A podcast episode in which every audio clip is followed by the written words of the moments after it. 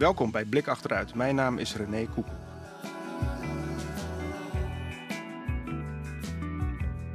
Dit is alweer de laatste Blik Achteruit van 2021. En door de lockdown stond uh, ook deze opname op losse schroeven. Maar juist in deze tijden waarin thuiszitten en wandelingen maken, het ritme van de dag bepalen en we in een soort eindeloos heden opgesloten lijken te zitten, zijn diepgravende gesprekken over de relaties tussen geschiedenis en actualiteit onmisbaar. En volgend jaar gaan we gestaag door met nieuwe interessante gasten en onderwerpen. De conventies van Genève werden in 1949 opgesteld en zijn sindsdien door 196 landen ondertekend. Deze verdragen hebben betrekking op het zogenaamde humanitair oorlogsrecht, de regels die gelden in tijden van oorlog en gewapend conflict. Het zijn de belangrijkste regels op het gebied van oorlogsrecht die ooit zijn geformuleerd. Maar het ontstaan ervan is met mythes omgeven. Het zou een product zijn van westerse liberale waarden, gedreven door idealisme, door de nobele intentie om oorlog humaner te maken. Maar klopt dit beeld wel? Volgende maand verschijnt een baanbrekend nieuw boek over de ontstaansgeschiedenis van de conventies van Genève. De auteur, Boyd van Dijk, zit bij ons aan tafel om te spreken over dit nieuwe boek. Dat draagt de titel Preparing for War: The Making of the Geneva Conventions en zal verschijnen bij Oxford University Press. Daarin betoogt hij onder meer dat de conventies van Genève een product waren van machtspolitiek, een geopolitieke belangenstrijd. Een mogelijkheid om oorlogsvoering toekomstbestendig te maken. Inderdaad, preparing for war. Wat betekent dit sobere, nieuwe historische perspectief voor de erfenis en betekenis vandaag de dag van de Geneefse conventies? Boyd van Dijk promoveerde aan het European University Institute in Florence en is momenteel als onderzoeksfellow verbonden aan de Universiteit van Melbourne. Maar gelukkig voor ons verblijft hij momenteel in de lage landen. Uh, Boyd, welkom bij Blik Achteruit. Dankjewel voor de uitnodiging. Uh, en ik ga uh, praten samen met, uh, met hem praten samen met Anneline Dijn, mijn zeer gewaardeerde en regelmatig terugkerende gesprekspartner, um, hoogleraar politieke geschiedenis aan de Universiteit Utrecht. Annelien, goed dat je er weer bent en ik geef je graag het woord. Hey, dank je René. ja, Boyd, prachtig nieuw boek over de conventies van Genève. Zoals René daarnet al zei, hij, ja, zijn die conventies een heel belangrijk onderdeel van het oorlogsrecht, van de regels die bepalen hoe we, uh, ja, wat je wel of niet mag doen ten tijde van oorlog. Maar kan je misschien iets meer vertellen over waarom uh, die conventies precies zo belangrijk zijn geweest en uh, welke positie, welke plaatsen zij innemen in de ontwikkeling van oorlogsrecht? Ja, um, dat is natuurlijk een belangrijke vraag om eerst kort te schetsen waar die verdragen eigenlijk over gaan en in welk verband ze moeten worden gezien. Ik denk voor veel mensen die um, zich bezighouden met internationaal recht, dat kunnen juristen zijn, kunnen mensen zijn op ambassades en op, bij buitenlandse zaken. Die zien een juridisch raamwerk van uh, regels, verdragen, normen en gebruiken. Die uh, officieel als doel hebben uh, om de belangen en de rechten van oorlogsslachtoffers, dat kunnen krijgsgevangenen zijn, dat kunnen burgers zijn, te beschermen in oorlogstijd. En oorlogstijd kan betekenen een burgeroorlog, een koloniale oorlog voor de periode waar ik naar heb gekeken, de jaren 40 van de 20e eeuw. Of natuurlijk uh, gewapende conflicten tussen staten. En de conventies zijn dus daar een onderdeel van, het humanitair recht of het oorlogsrecht. En die bestaan uit vier verschillende verdragen. Twee belangrijkste, de derde en de vierde conventie, gaan over krijgsgevangenen, de bescherming daarvan. En de vierde gaat over de bescherming van burgers. En de eerste twee, puur ter informatie, gaan over bescherming van gewonde soldaten of zieke soldaten, zowel op land als op het water. Um, die conventies zijn belangrijk om een aantal redenen. Ik heb er eigenlijk al eentje genoemd, namelijk uh, dat ze eigenlijk allerlei rechten uh, in zich hebben en ook verplichtingen voor zowel staten als rebellengroepen die ten strijde trekken. En die rechten kunnen worden geclaimd door burgers die in oorlog uh, geraken of door internationale organisaties of humanitaire organisaties die proberen die oorlogsslachtoffers te bereiken. denk bijvoorbeeld aan het Internationale Rode Kruis op dit moment in Jemen, die probeert mensen die um, te weinig eten hebben, verhongeren, toch iets van hulp te bieden. Um, maar dat is natuurlijk maar één dimensie van die verdragen. Um, je ziet natuurlijk ook dat verdragen als de Geneefse conventies worden gebruikt als politiek instrument in propagandaoorlogen uh, of simpelweg in een politieke strijd tussen bijvoorbeeld een staat en een rebellengroep of verschillende staten. Een voorbeeld zou kunnen zijn ehm, Nederland ehm, in de afgelopen jaren als het gaat om de strijd tegen bijvoorbeeld ISIS. En dan zie je natuurlijk dat vaak Nederlandse uh, politici, uh, zowel verbonden aan de regering als in de oppositie, um, ISIS omschrijven als een terroristische organisatie die zich niet houdt aan het oorlogsrecht. In tegenstelling tot Nederland, die zich wel netjes aan het oorlogsrecht zou houden. Door krijgsgevangenen netjes te behandelen. En niet zomaar burgers uh, te proberen te raken. Um, dat, is, dat is een andere, andere vorm of een andere importantie van de conventies voor um, politiek vandaag de dag. En voor mij is eigenlijk een andere uh, dimensie belangrijk van de conventies. Um, voor mij zijn die conventies uh, eigenlijk een, een afspiegeling van een bepaald idee van wereldorde en een bepaald idee van de legitimering van geweld. Uh, voor de duidelijkheid, die conventies herbergen allerlei beschermingsmechanismen voor bijvoorbeeld burgers, maar laten ook heel veel geweld toe en legitimeren dat op een juridische manier, uh, die voor veel mensen die minder bekend zijn met oorlogsrecht misschien als een uh, schok zien, of in ieder geval best wel verbazing kunnen opwekken. Dat die verdragen dus niet al het geweld uitbannen wat in oorlogstijd kan plaatsvinden. Sterker nog, allerlei vormen van uh, geweld legitimeren. En ik denk dat we daar dat daar mijn boek met name over gaat. Over die veranderende ideeën, niet alleen over wereldorde dus, maar ook over de legitimering van geweld in die 20ste eeuw. En waarom we op een bepaald moment bepaalde vormen van geweld als legitiem zien en in andere jaren uh, dat soort uh, vormen van geweld niet meer als legitiem zien. En hoe we die normatieve verandering moeten verklaren. Hey, en um, de, conventies van Genève zijn eigenlijk, uh, het is eigenlijk het, het, vierde um, verdrag in een reeks van verdragen vanaf de jaren 1860. Um, ehm, waarom zijn die conventies van 1949 nou, waarin verschillen ze van die vorige? Waarom zijn ze zo belangrijk?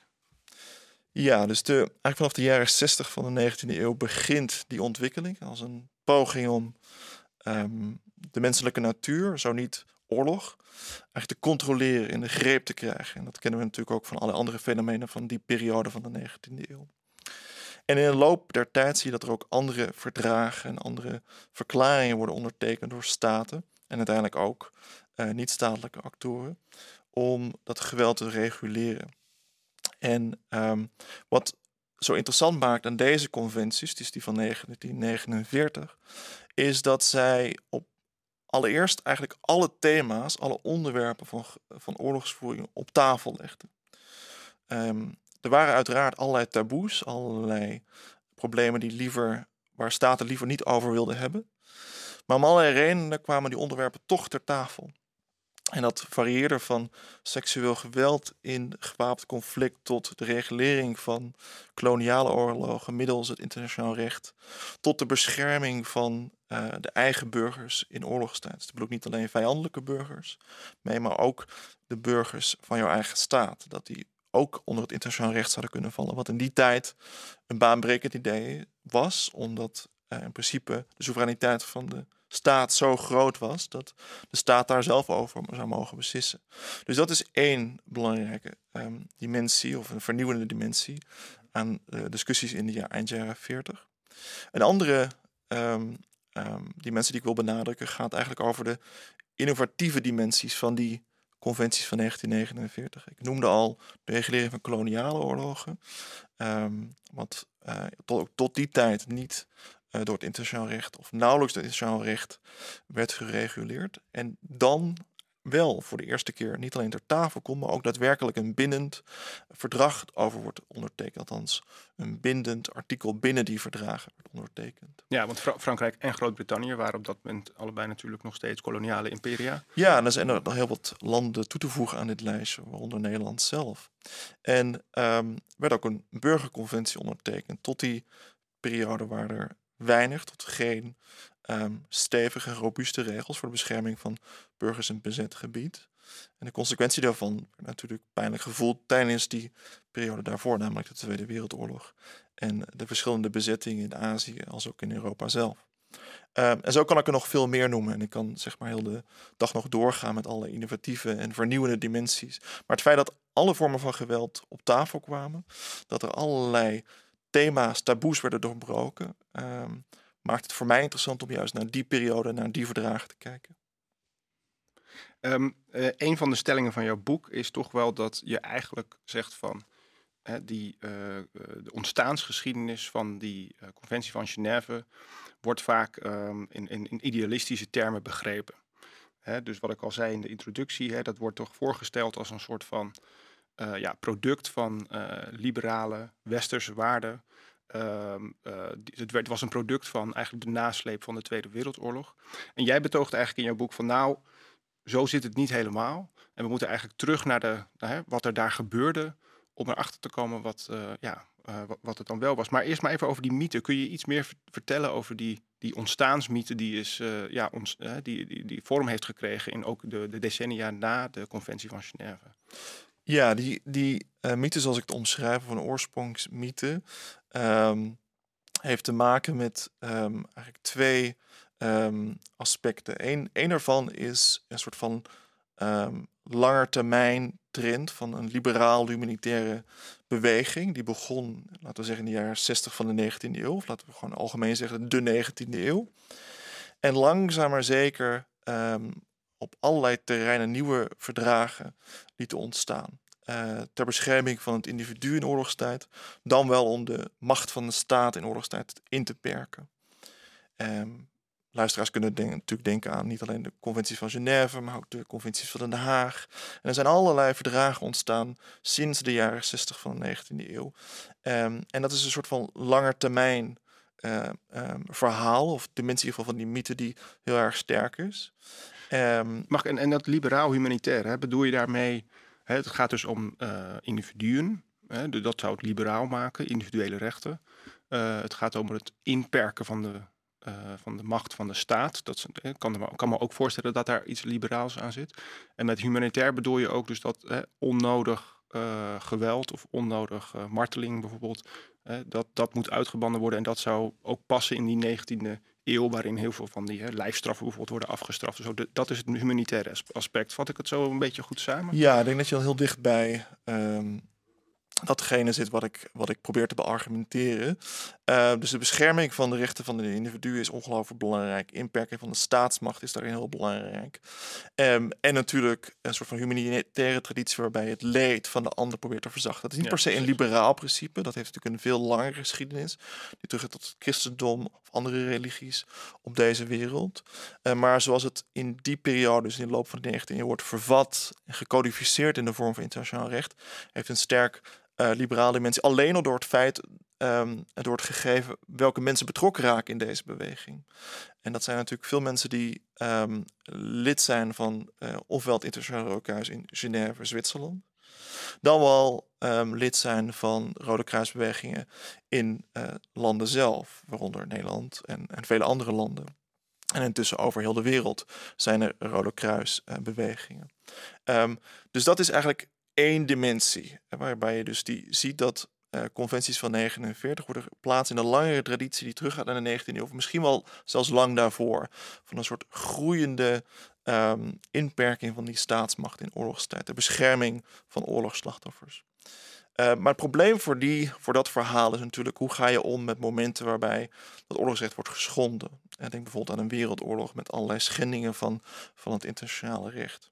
Dus hier komt eigenlijk de tweede dimensie van het verhaal naar voren, namelijk de verschrikkingen van de Tweede Wereldoorlog. Dat is eigenlijk een soort moment, volgens de aanhangers van deze mythe, waar je ziet dat, dat het niet alleen leidt tot een shock, maar ook een soort momentum, een politiek momentum, om lessen te trekken uit dat verleden, eh, dat nabije verleden. En dat zou hebben geleid tot ontstaan van bijvoorbeeld een burgerconventie om burgers te beschermen tegen die verschrikkingen. Dat kan de holocaust zijn, dat, kan, dat kunnen concentratiekampen zijn, seksueel geweld, enzovoort, enzovoort. Dus die, die langetermijntrend en die, die, die schok van die Tweede Wereldoorlog vormen samen een soort twee kernonderdelen van, van die mythe. En in mijn boek um, wil ik natuurlijk niet betogen dat die um, schok van die Tweede Wereldoorlog onbelangrijk zou zijn dat is natuurlijk niet mijn argument. Of dat bepaalde lange termijn trends misschien belangrijk zijn om te verklaren wat er precies is gebeurd eind jaren 40. Ik argumenteer echter iets anders, namelijk dat deze juridische architecten die deze verdragen hebben ontwikkeld, niet alleen maar nadachten over het nabije of het verre verleden, dus niet een soort van passieve karakters zijn, maar actieve karakters. Mensen die actief nadachten over hoe kunnen we dat verleden, het verre of het nabije verleden, inbedden in een soort van structuur waarin we ook kunnen nadenken over wat zijn de, de uitdagingen van onze eigen tijd en die van de toekomst. Kortom, ze dachten eigenlijk na over de toekomst van oorlog voeren en hoe bijvoorbeeld daarin bepaalde rechten en verplichtingen zouden moeten gelden voor zowel staten als rebellengroepen. En dat betekent dus dat je dus moet gaan, actief moet gaan nadenken. Hoe ziet dat slagveld van de toekomst eruit? Um, en hoe kunnen we dat reguleren middels het internationaal recht? Hoe kunnen we bepaalde individuen daarin rechten geven? Hoe kunnen we bepalen wanneer deze principes gelden, wanneer ze niet gelden? En tenslotte natuurlijk wie het recht heeft om te bepalen wanneer deze principes zouden moeten gelden. En wanneer um, de conventie niet langer van toepassing is. En daar gaat mijn boek over. Mijn boek gaat over deze denkers, die dus niet alleen maar nadachten over het verleden, maar ook heel actief um, bezig waren met de vraag: hoe ziet het slagveld er nu uit? Want voor de duidelijkheid, eind jaren 40 is niet de periode voor vrede voor veel mensen op deze wereld. En ook voor Europeanen overigens. Uh, maar het is natuurlijk ook een periode van decolonisatieoorlogen. Um, Indonesië is natuurlijk voor veel Nederlanders het meest bekende. Maar je hebt ook conflicten natuurlijk, soortgelijke conflicten in Indochina, het huidige Vietnam, Palestina. Uh, en ik kan zo nog even verder gaan. En je hebt natuurlijk ook het begin van de Koude Oorlog. Uh, met de Berlijnse blokkade en de Praagse koep. En ik kan zo nog wel doorgaan over deze periode. En al die fenomenen hebben dus een, een enorme impact op dat denken over de toekomst van oorlog. Maar um, ja, dus en begrijpen ook waar de titel van je boek vandaan komt. Maar op zich vind ik dat eigenlijk niet zo'n heel verrassende um, uh, ja, conclusie. Want uh, ja, zoals je zelf al aangeeft, dit is een tijdvak waarin mensen heel erg bezig waren met eh, de dreiging van een mogelijke nieuwe oorlog, uh, mogelijk zelfs een nieuwe wereldoorlog.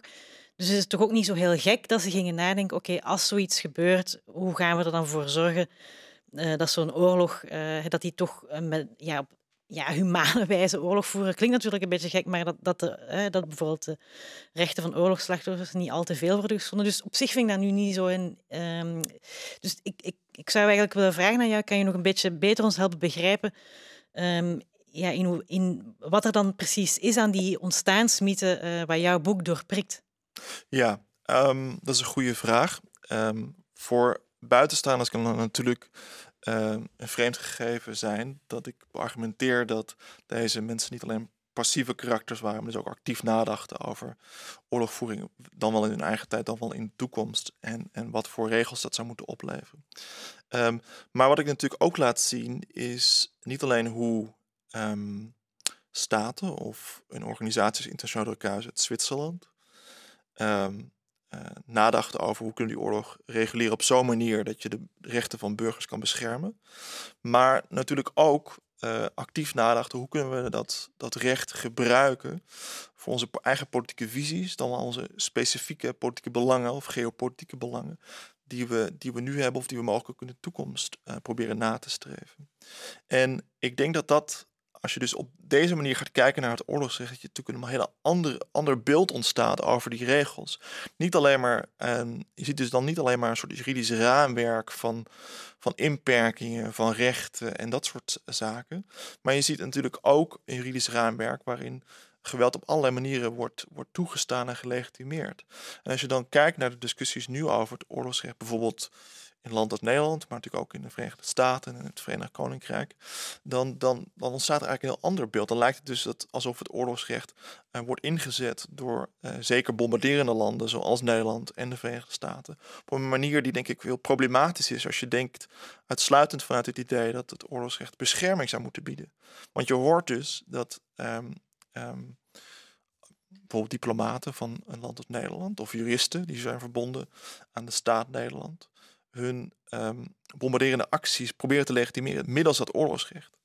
En ik denk als je dus begrijpt dat het oorlogsrecht ook een hele andere dimensie heeft, namelijk dat het ook geweld toestaat op allerlei manieren, en dat probeer ik te reconstrueren natuurlijk in mijn boek, dan, dan ben ik veel beter voorbereid op dat gesprek wat je misschien met zo'n um, diplomaat of zo'n jurist van een overheid kan hebben.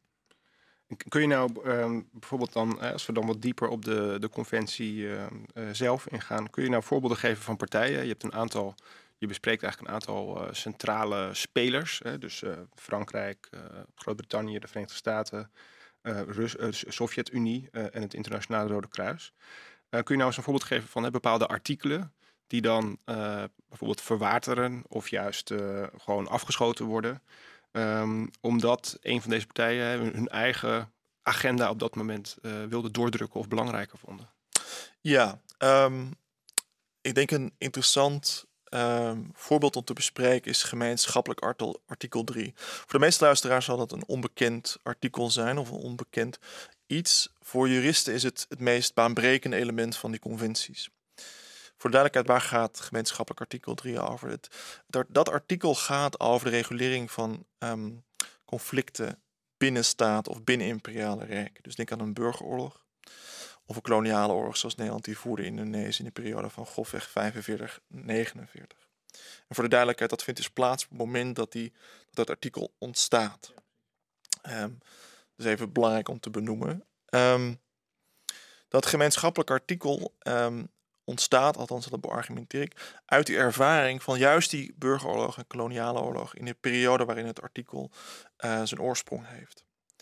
Nederland, uh, als ook Frankrijk, um, vraagt om internationaal ingrijpen uh, vanuit het Internationaal Rode Kruis in Indonesië, dan wel Indochina in die periode. En dat is verrassend, want juist Nederland en ook juist Frankrijk wil probeer, probeert in die periode eigen soevereiniteit te beschermen tegen internationale inmenging. Denk aan de debatten van Nederland bij de Verenigde Naties. En dat geldt ook in zekere zin voor Frankrijk in die periode. Maar Nederland heeft het, heeft het extreem moeilijk. Maar vraagt dan toch om internationale inmenging alleen van het Internationale Rode Kruis in die periode. Om uh, geïnterneerde Nederlanders in republikeinse handen, Indonesische handen, um, um, uh, te supervisen. Ik kan niet even een goed Nederlands woord ervoor vinden. Um, die zijn dus in republikeinse handen. Nederland wil weten, wordt deze goed behandeld of niet? Maar het Internationale Kruis gebruikt die interventie als een soort juridisch precedent. En die zegt, kijk, als jullie ons toestaan om hier te interveneren, waarom zouden we dat nu elders ook mogen doen? Waarom zouden we dat ook niet in het internationaal recht misschien moeten vastleggen, zodat we dat in de toekomst weer zouden kunnen doen? En je snapt dat landen, koloniale staten als Nederland, daar niet op zitten te wachten. Dus dat levert een enorm debat op. En uh, het, debat wordt, gaat natuurlijk uiteindelijk niet alleen maar over koloniale oorlogen of burgeroorlogen, maar in, meer brede zin van het woord over welke oorlogen of welke gewapende conflicten kunnen onder het internationaal recht vallen en welke vormen van geweld niet. En hoe definieer je dat überhaupt? dus wat is een oorlog? Of wat is een oorlog die enkel binnen een staat plaatsvindt? Uh, nou, dat is een vraag waar we natuurlijk nog vandaag de dag nog steeds mee, mee worstelen, zou je kunnen zeggen. En in die periode probeert Nederland en, en, en met name de Groot-Brittannië en, en, Frankrijk op allerlei manieren dat debat te dwarsbomen. Uh, en in mijn boek reconstrueer ik hun verschillende tactieken die ze gebruiken om dat doel um, te bereiken. En Uiteindelijk dat, komt er... Dat, dwarsbomen ze omdat ze eigenlijk gewoon een vrije hand willen houden binnen hun eigen koloniale imperie. Ja, eigenlijk twee, twee aspecten zijn hier van belang. Eén is die vrije hand. Uh, nou, dat zal niemand verrassen.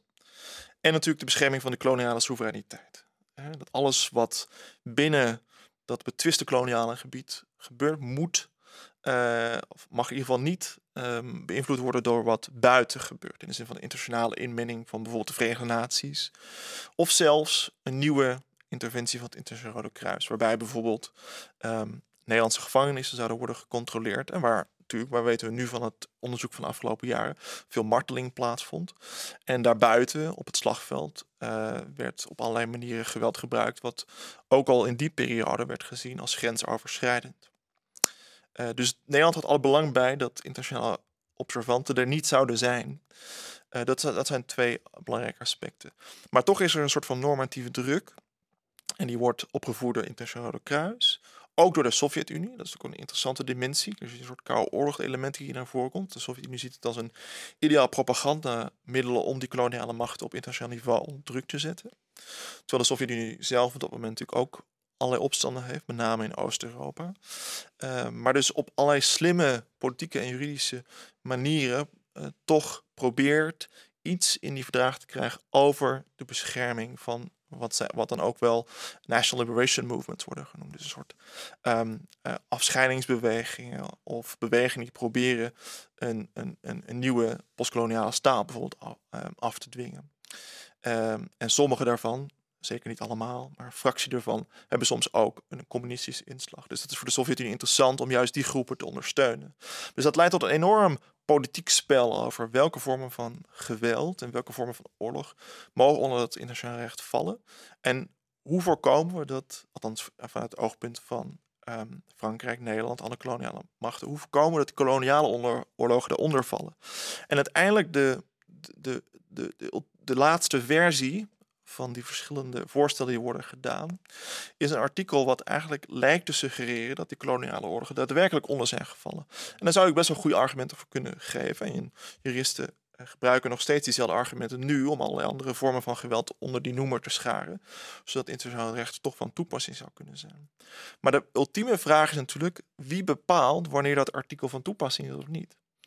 En koloniale machten wisten natuurlijk als wij uiteindelijk die die soevereine macht in, ons, onze handeling zou hebben, dan kunnen wij beslissen of het artikel wel of niet van toepassing is. Dus wat je ziet in de jaren na 1949 is een enorm debat over heeft dit artikel nu wel of niet een bepaalde toepassing op bijvoorbeeld uh, het laatste deel van de Indochina-oorlog, zoals Frankrijk die voert na 1949. En vele andere conflicten die nog gaan volgen, die officieel binnen staten plaatsvinden, of binnen imperiale rijken, die dus op allerlei manieren lijken op dat soort conflicten die zouden moeten vallen onder gemeenschappelijk artikel 3. Maar koloniale machten er alles aan doen om dat te betwisten. Maar, maar zou je daarmee... oh, sorry. Wel, um, ja, gewoon een heel basale vraag. Dus um, ja, wie mag, dat, mag uiteindelijk zo'n dingen beslissen? Of welke organisatie of in welk gremium worden die dingen beslist? Kijk, het, vanuit een perspectief van het recht van het individu zou je natuurlijk hopen dat bijvoorbeeld internationale organisaties, de Verenigde Naties of Internationale Rode Kruis daar een beslissing over mag nemen. En dat was ook een voorstel in die periode. Um, maar om voor de hand liggende reden, de zaagkoloniale, mag dit niet zitten. En ik denk dat wat hier belangrijk is om te benoemen, is dat, dat het niet enkele staten zijn. Dit zijn er een groot aantal in die periode nog.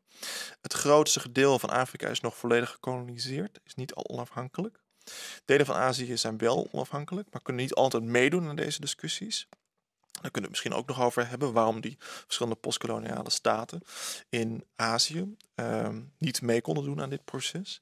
Maar dat maakte het mogelijk voor koloniale machten als Nederland, als Frankrijk, als Groot-Brittannië om hun voorstellen um, doorheen te drukken, zeg maar.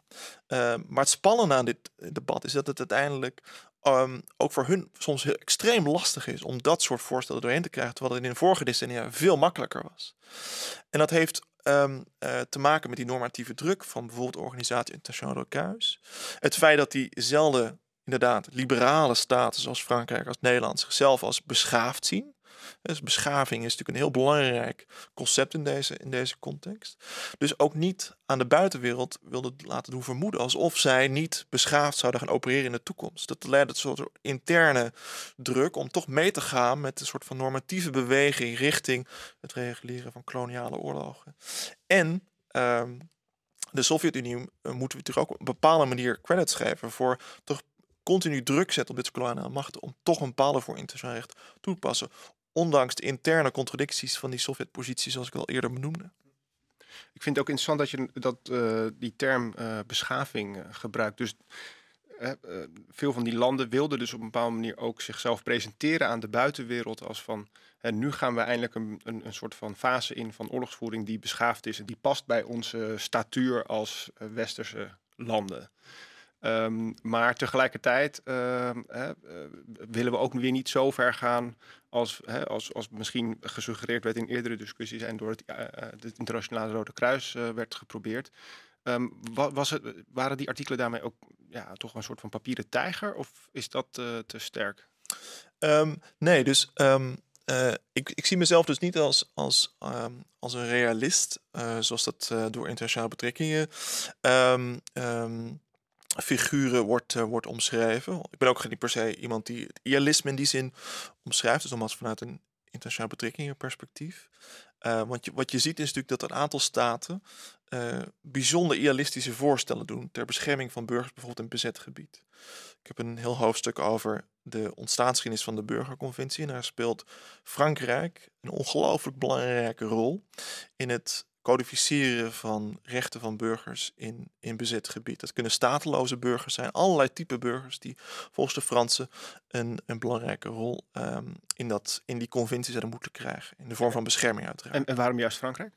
Um, nou ja, wat je natuurlijk ziet is dat ehm, een aantal oud-verzetstrijders, slachtoffers van of overlevenden van de Holocaust en slachtoffers van politieke vervolging onder de uh, onder Vichy en onder het nazi-bewind uh, al vrij snel dit thema binnen die Franse uh, staat tot zich nemen, dus eigenlijk opeisen.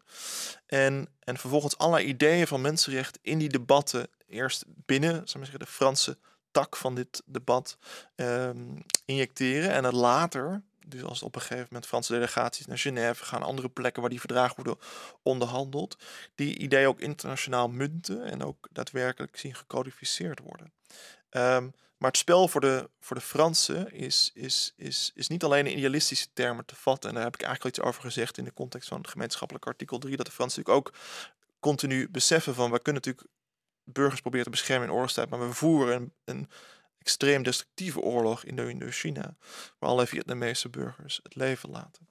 Uh, wat, ik, wat ik terug ga eigenlijk naar, jou, naar jouw vraag, je observatie... Ehm, in mijn studie laat ik ook zien dat een zogenaamd idealistische organisatie als Internationaal Rode Kruis bijzonder realistisch werkt. Hè? Dus wel degelijk heel nadrukkelijk denkt over de belangen van die organisatie zelf in, in, in het palet van een, van het, of het silhouet van, van een humane, zogenaamd humane oorlog. Dus het idee dat we dit proces kunnen vatten in een strijd tussen realistische staten versus idealistische internationale organisaties gaat niet op om, omdat uh, beiden ook anders kunnen opereren. Dus wat ik probeer te doen in mijn boek is eigenlijk uh, terug te gaan naar die vraag hoe die verschillende actoren, Internationaal Rode Kruis, verschillende staten, met name grootmachten natuurlijk, hoe die um, anders zijn gaan denken over humaniteit of beschaving, om jouw woord te gebruiken, beschaving in oorlogstijd. En ook welke rechten daarbij horen. Hoe ze die vervolgens codificeren in het, in het, in het, in het oorlogsrecht of het humanitaire recht. Um, dat is eigenlijk wat ik, wat ik probeer te doen, zonder me te laten vangen in, in labels als realist of idealist of iets ertussenin. Um, wel, ja, een beetje verder bedoeld op die discussie.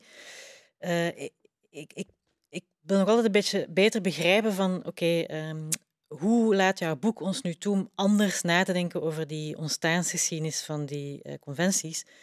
Um, hè, want oké, dus de, de ontstaansmythe eigenlijk is een beetje een Pinkeriaans verhaal. Hè? Eh, Steven Pinker, um, er is voortschrijdende beschaving en dat begint in de 19e eeuw en heeft ook iets te maken waarschijnlijk met de verlichting.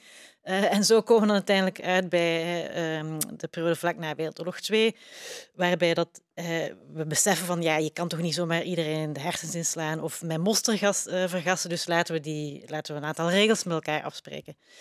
Um, en ik begrijp heel goed dat dat, dat dus verhaal gewoon niet klopt. Um, en dat we ook moeten gaan nadenken, ja, dat als we echt willen begrijpen waarom die conventies er zijn gekomen, dat we ook rekening moeten houden, of dat we ook in rekening moeten brengen dat er actoren waren, zoals de Sovjet-Unie, die voor hun eigen machtspolitieke, uh, of je zou kunnen zeggen PR-purposes, uh, um, het nuttig vonden om, om dit soort dingen te gaan steunen. Uh, maar toch vraag ik me af, um, in hoeverre laat ons dan nu toe om echt anders naar die conventies te kijken? Want op zich is het niet zo heel verrassend uh, dat, dat vooruitgang of dat, um, dat, dat een, een, beter omgaan uh, met elkaar, ja, dus, ja, dat je daar inderdaad een soort van. ja, dat, is dat, dat machtspolitiek is uiteindelijk doen die conventies toch iets? Of heb ik dat nu verkeerd begrepen? Uiteindelijk is het toch positief dat we met z'n allen hebben afgesproken van laten we niet meer, um, dus laten we proberen het aantal burgerslachtoffers te beperken en, en laten we um, uh, dus oorlogsslachtoffers recht te geven. En ja, dus daar zit ik nog wel een beetje mee. In hoeverre laat jouw boek ons nu toe om, om daar echt anders over na te denken? Of, dwingt ons, jouw boek ons daartoe? Ja, ik, uh, ik doe graag een poging om je alsnog te overtuigen over het belang uh, van, van deze studie. Um, en wel om, om, om de volgende redenen. Um, ik denk dat de eerste reden, uh, of eerste nuancering moet maken is dit, is, dit is niet alleen maar een boek over machtspolitiek. Dit is eigenlijk ook een, vooral een boek over ideeën en hoe ideeën en macht met zich tot elkaar verhouden. Met name in, in een situatie van oorlog. En de ideeën uiteraard over wat, wat is oorlog en welke bescherming moeten burgers niet. En überhaupt, wie is een burger, wie is een, wie is een strijder en hoe kunnen we dat in het recht uh, vatten. Uh, misschien um, is het interessant om na te denken over hoe deze blik, zeggen, deze manier van denken die ik probeer te introduceren in mijn boek, ook ons helpt te denken over het nu. Uh, over fenomenen die nu uh, gebeuren. Uh, en hopelijk wordt het dan misschien nog, iets, nog iets duidelijker. Um, een belangrijk conflict of een belangrijke oorlog op dit moment gaande is, is natuurlijk Jemen, waar op dit moment een, een blokkade is, geldt. Um, waarbij het ongelooflijk moeilijk is voor humanitaire organisaties en ook journalisten om het land überhaupt te bereiken. En diegenen helpen die op dit moment verhongeren. Um, en het is ook voor internationale juristen ongelooflijk lastig, verrassend lastig zou je kunnen zeggen, om uh, individuen, dan wel uh, staten zelf, um, eigenlijk juridisch aansprakelijk te stellen voor datgene wat gebeurt in Jemen. Voor de duidelijkheid, uithongering, um, enorme slachtofferaantallen onder, onder burgers, in bijzonder kinderen. Um, het internationaal recht zou je denken dat dat moet toch een, eigenlijk een, een instrument zijn voor degene die proberen dat op te heffen, te beëindigen. Um, maar als je dan kijkt naar wat, wat voor debatten nu gaande zijn onder juristen, zie je dat ze eigenlijk nog steeds uh, zwoegen met de vraag: is blokkade überhaupt te legitimeren? Uh, juridisch. En dan heb je, sorry, even voor de duidelijkheid, dan heb je dus over blokkades van voedseltransporten bijvoorbeeld. Ja, dat is goed om nog even ja. uh, te, uh, uit te leggen. blokkade betekent dat je dus eigenlijk een bepaald gebied, in dit geval een heel land, of een groot deel van het land, van de buitenwereld afsnijdt. En dat betekent dat dat land niet zomaar voedsel kan importeren. we leven natuurlijk in een mondiale economie, economie, dat geldt voor elk land. Dus veel landen halen voedsel uit van elders. Um, en ook medicijnen. Daar, dat is misschien nog wel belangrijker in dit verband. Um, en allerlei andere spullen die nodig zijn. Bijvoorbeeld um, kinderen te laten groeien en überhaupt om bepaalde basisstoffen te krijgen die kinderen nodig hebben. Dus dat is ook precies de reden waarom zoveel kinderen op dit moment het komen overlijden. Maar het is dus heel erg lastig voor juristen om, om, om een soort juridische lijn te trekken tussen het slachtoffer in Jemen, dus die, in, dat individuele kind, en de persoon of de staat die die blokkade instelt. Uh, omdat er nog van alles tussen zit. Uh, er zit nog een Jemenitische staat tussen. Er zit nog een rebellengroep tussen. Er zitten nog lokale of regionale autoriteiten tussen. En het is dus heel moeilijk om een kausaal verband te leggen tussen datgene wat is besloten, bijvoorbeeld door Saoedi-Arabië, om die blokkade er neer te zetten met steun van de Amerikanen en Groot-Brittannië. En daadwerkelijk wat op de grond gebeurt in dat ene kleine Jemenitische dorp waar dat kind komt te overlijden. Maar het, eh, dat is zeg maar specifiek het conflict. Um, en, en als je dan teruggaat naar de jaren 40, en nu kom ik hopelijk bij het antwoord uh, waar ik naartoe wil, is dat um, het, het begrip van um, uithongering, of de militaire tactiek van uithongering en blokkade, ook in die periode heel nadrukkelijk werd gediscussieerd. En wat zo, uh, tenminste voor mij schokkerend was, was dat in die periode nergens in de tekst staat zoiets als Uitholling van burgers is verboden. Dat staat er niet in. Dat zou je toch verwachten na de hongerwinter van 1944-45, de omsingeling van uh, Leningrad uh, en alle andere vormen van, van massale uithongering die hadden plaatsgevonden. Het staat er niet in. En dat heeft dus een reden. Ik probeer in mijn boek dus ook te laten zien um, dat met name Groot-Brittannië en de Verenigde Staten dus alles aan deden om het um, recht op de vrije doorgang van humanitaire goederen te dwarsbomen. Nou, waarom is dat recht zo belangrijk? Nou, denk aan Jemen nu, dus ga ik weer terug naar deze tijd. Het is voor Internationaal Rode Kruis en al die andere humanitaire internationale organisaties ongelooflijk moeilijk om dat land binnen te komen. Het geldt ook voor journalisten. Ze weten vaak niet eens zo goed wat er precies plaatsvindt. Dus dat recht op humanitaire doorgang wordt gedwarsboomd. En lange tijd, in de 20e eeuw, en misschien zelfs ook wel nu, zie je dus dat verschillende staten proberen het internationaal recht strategisch in te zetten. Um, en dus eigenlijk gebruik willen maken van die uitzonderingspositie die die Britten en die Amerikanen in de jaren 40 al in dat, rechts, in dat, in dat internationale recht hadden uh, geplaatst. En ik probeer in mijn boek te laten zien hoe ze dat deden. En met welke reden. En dit is denk ik ook interessant over de vraag: wat is dan zeg maar, het liberale aspect nog aan deze discussie? Dit lijkt toch een heel illiberaal idee. Maar wat je natuurlijk, als je kijkt naar visies, met name um, Engels of Anglo-Saxische en Amerikaanse visies op, op blokkade, en dit, is ook op basis van onderzoek wat ik heb gedaan met een collega van mij, Nick Mulder, um, is dat je natuurlijk ziet dat al in de 19e eeuw blokkade continu wordt ingezet, met name in uh, ter, ter onderdrukking van uh, antikoloniale opstanden. In de 20e eeuw, uh, eeuw opnieuw en in allerlei andere verschillende contexten. En de periode waar ik naar kijk, zie dat het wel in die koloniale context wordt gebruikt, als ook als een soort mechanisme ter indamming van het communisme.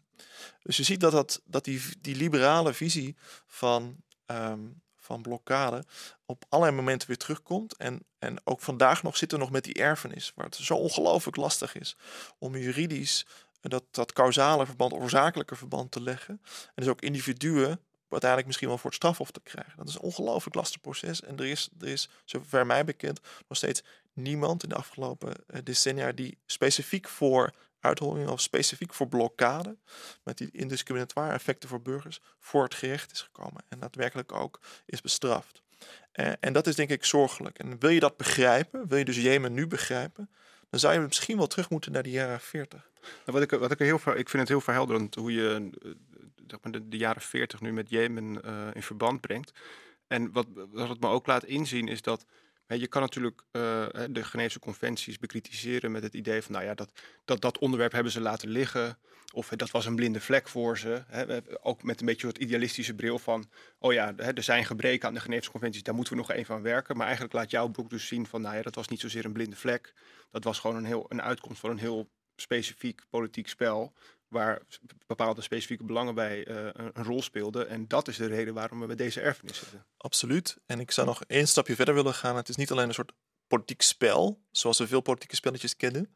Uh, maar er zijn ook een soort van dieper diepere laag of diepere structuren die dit al heel lang mogelijk maken. En ik denk dat, dat mijn boek probeert die diepe lagen naar boven te brengen. En, en, en de lezer te laten zien hoe veel van dat soort fenomenen vandaag de dag nog steeds spelen. We hebben het niet voor niets nog steeds over blokkade. We hebben het niet voor niets nog steeds over het luchtbombardement, wat ook een belangrijk onderwerp was in, in die periode. Um, en het laatste wat ik hier nog over wil, wil zeggen is dat, en dat gaat ook terug eigenlijk een van jullie eerste vragen natuurlijk over die ontstaansmythe. Uh, veel mensen die um, uh, zich hebben bezighouden met deze materie, of inderdaad een soort gelijke ideeën hebben van nou, dat zullen mensen wel hebben laten liggen, dat zijn ze vergeten of uh, dat was voor hun helemaal niet zo'n groot ding zoals dat nu voor ons wel is. Um, dat beeld dat, dat klopt niet, maar dat heeft dus ook mee te maken dat we nog steeds veel van dit soort juridische architecten zien als mensen die alleen maar nadachten over wat in het verleden had plaatsgevonden, in plaats van mensen die actief nadachten over de periode waarin ze leefden en over de periode die nog zou gaan komen. En wat voor vormen van geweld uh, daar, daar um, uh, een rol in zouden kunnen gaan spelen. Um, en ik denk dus als we wegkomen van het idee van dit zijn alleen maar mensen die eigenlijk vrij beperkte ideeën hebben over wat, wat oorlog is en hoe dat misschien gereguleerd zou komen, dat je dan veel beter begrijpt ook de problemen waar we nu vandaag de dag mee, mee zitten. Um, ja, dus we hebben het nu uh, gehad over die vraag van um, ja, hoe laat jouw boek ons uh, toe om die ontstaansmythe een beetje te gaan doorprikken. Um, maar er is ook een, een andere um, uh, vraag die ik me stelde en dat was... er zijn een aantal historici de laatste tijd, ik denk bijvoorbeeld aan iemand Sam Moyne, die ons proberen te overtuigen dat pogingen om oorlogsvoering humaner te maken Ehm, dat, die niet alleen, dat, we, die niet alleen moeten begrijpen als uh, uh, de uitkomst van een soort van Pinkeriaans vooruitgangsproces, uh, maar zelfs dat die pogingen um, ja, in feite een negatieve impact hebben, omdat ze oorlog ja, in plaats van humaner, dat ze dus het aantal slachtoffers, in het geval van bijvoorbeeld het inzetten van drones door de Amerikaanse overheid, heeft dat het aantal burgerslachtoffers juist omhoog doen gaan. En ik vroeg me af, eh, hoe verhoudt jouw boek zich tot dat soort, um, ja, die, ja, niet mythische visies, maar juist heel kritische visies?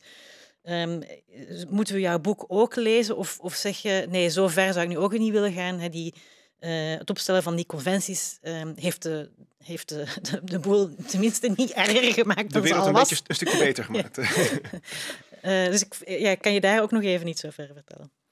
Eh, ja, natuurlijk. Ehm, ik denk dat uh, Sam boek een, een hele boeiende ehm, provocatie is. Het dwingt ons om na te denken over de relatie tussen het humaniseren van de oorlog en het uitbannen daarvan. Zijn, zijn boek is in zekere zin natuurlijk een pacifistische kritiek op het oorlogsrecht. En ook een kritiek die ehm, veel is teruggekomen in die 20e eeuw en ook zal blijven terugkomen in, in onze eigen eeuw. Wat, wat bedoel je daarmee met pacifistische kritiek op het oorlogsrecht? Ja, dat, dat leg ik graag uit. Ik denk dat het dat um, ook al in die periode, dus dan heb ik het over het eind jaren 40, begin jaren 50, als die conventie wordt aangenomen, daar enorm debat over is. Over het nut en de betekenis van deze conventies. Um, en, en dat gaat eigenlijk terug naar het um, debat over waar moeten we onze morele prioriteit of politieke prioriteit leggen? Is het belangrijk om in onze tijd na te denken over het iets minder destructief maken van oorlog? Iets humaner maken, hoe paradoxaal het ook klinkt? Of moeten we onze morele energie richten op het stoppen of het voorkomen van oorlog?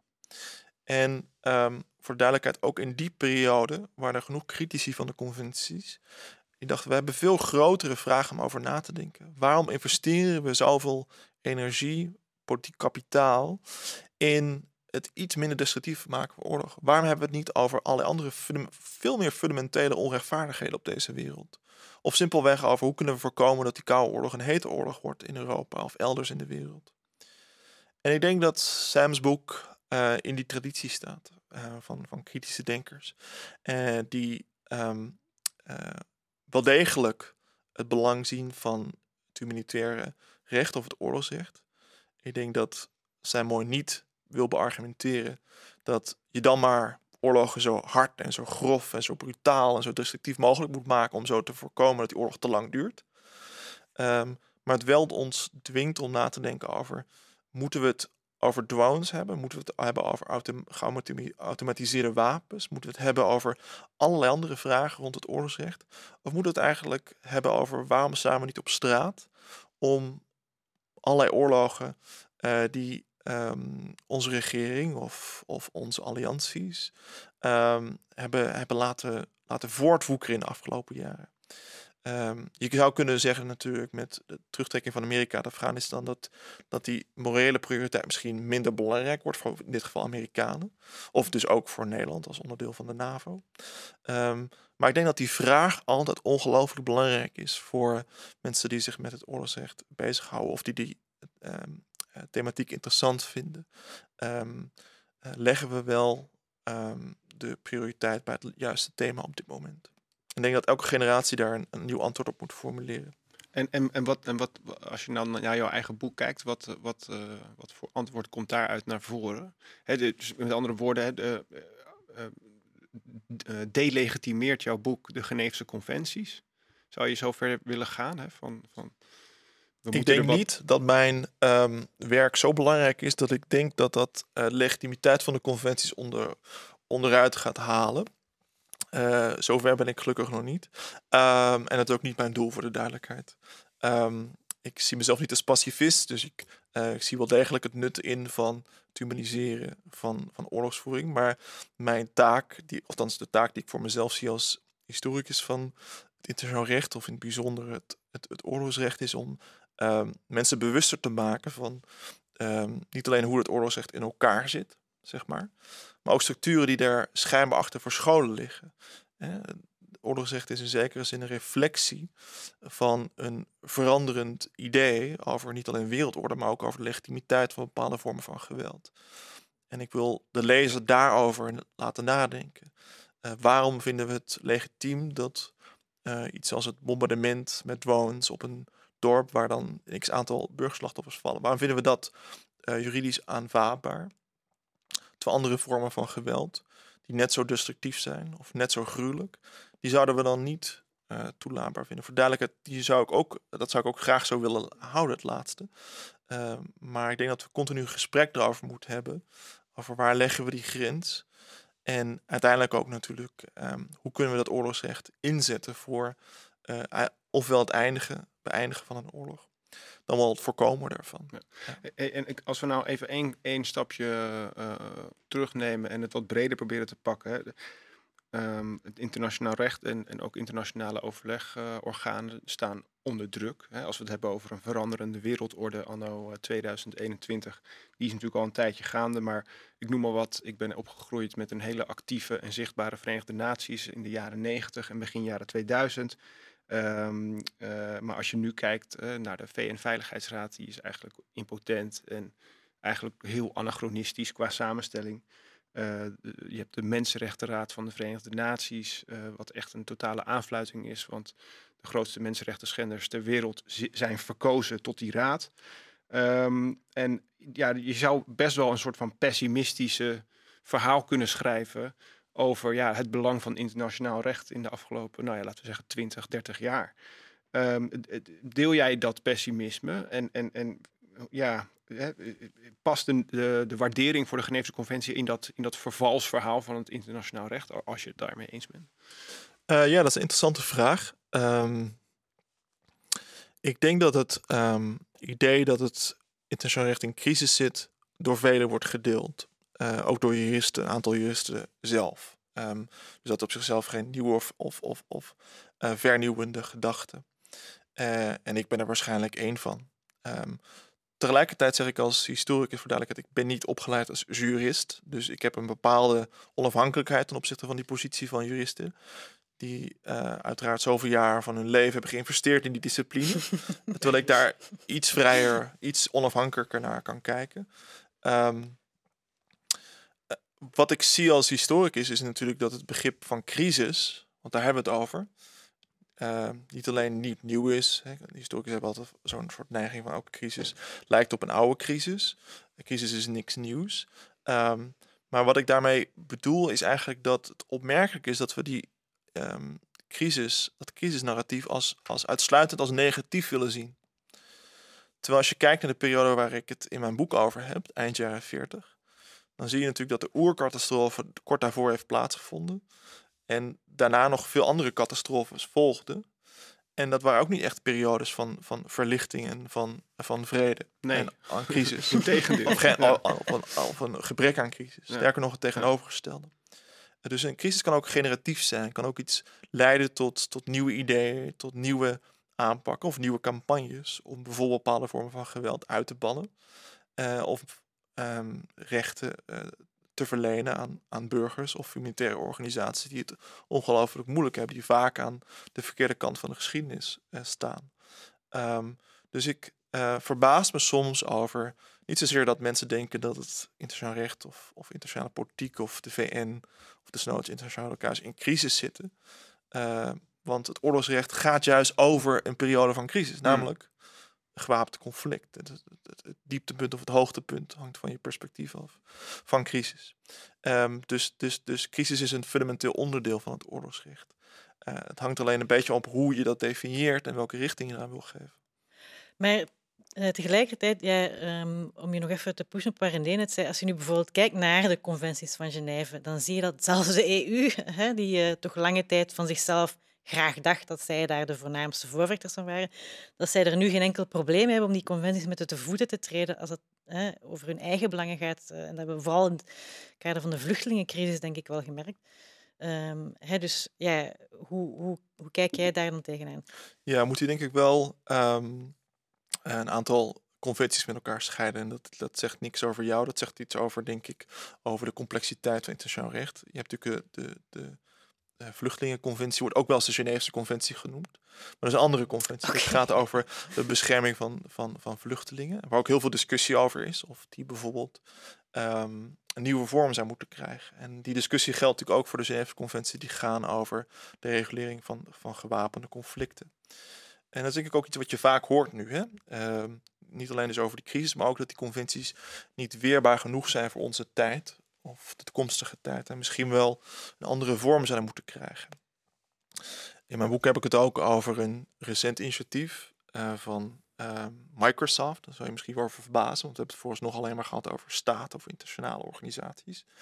Maar ook een bedrijf als Microsoft heeft kort geleden initiatief genomen om een digitale Geneefse conventie in het leven te roepen. Dus die heeft een campagne opgezet om met name staten te dwingen actief na te denken hoe kunnen we omgaan met cyberwarfare. Dus ehm, strijd, politieke en, en, militaire strijd in het, in het digitale domein. Er moeten daar bepaalde regels voor worden bedacht om met name burgers te beschermen.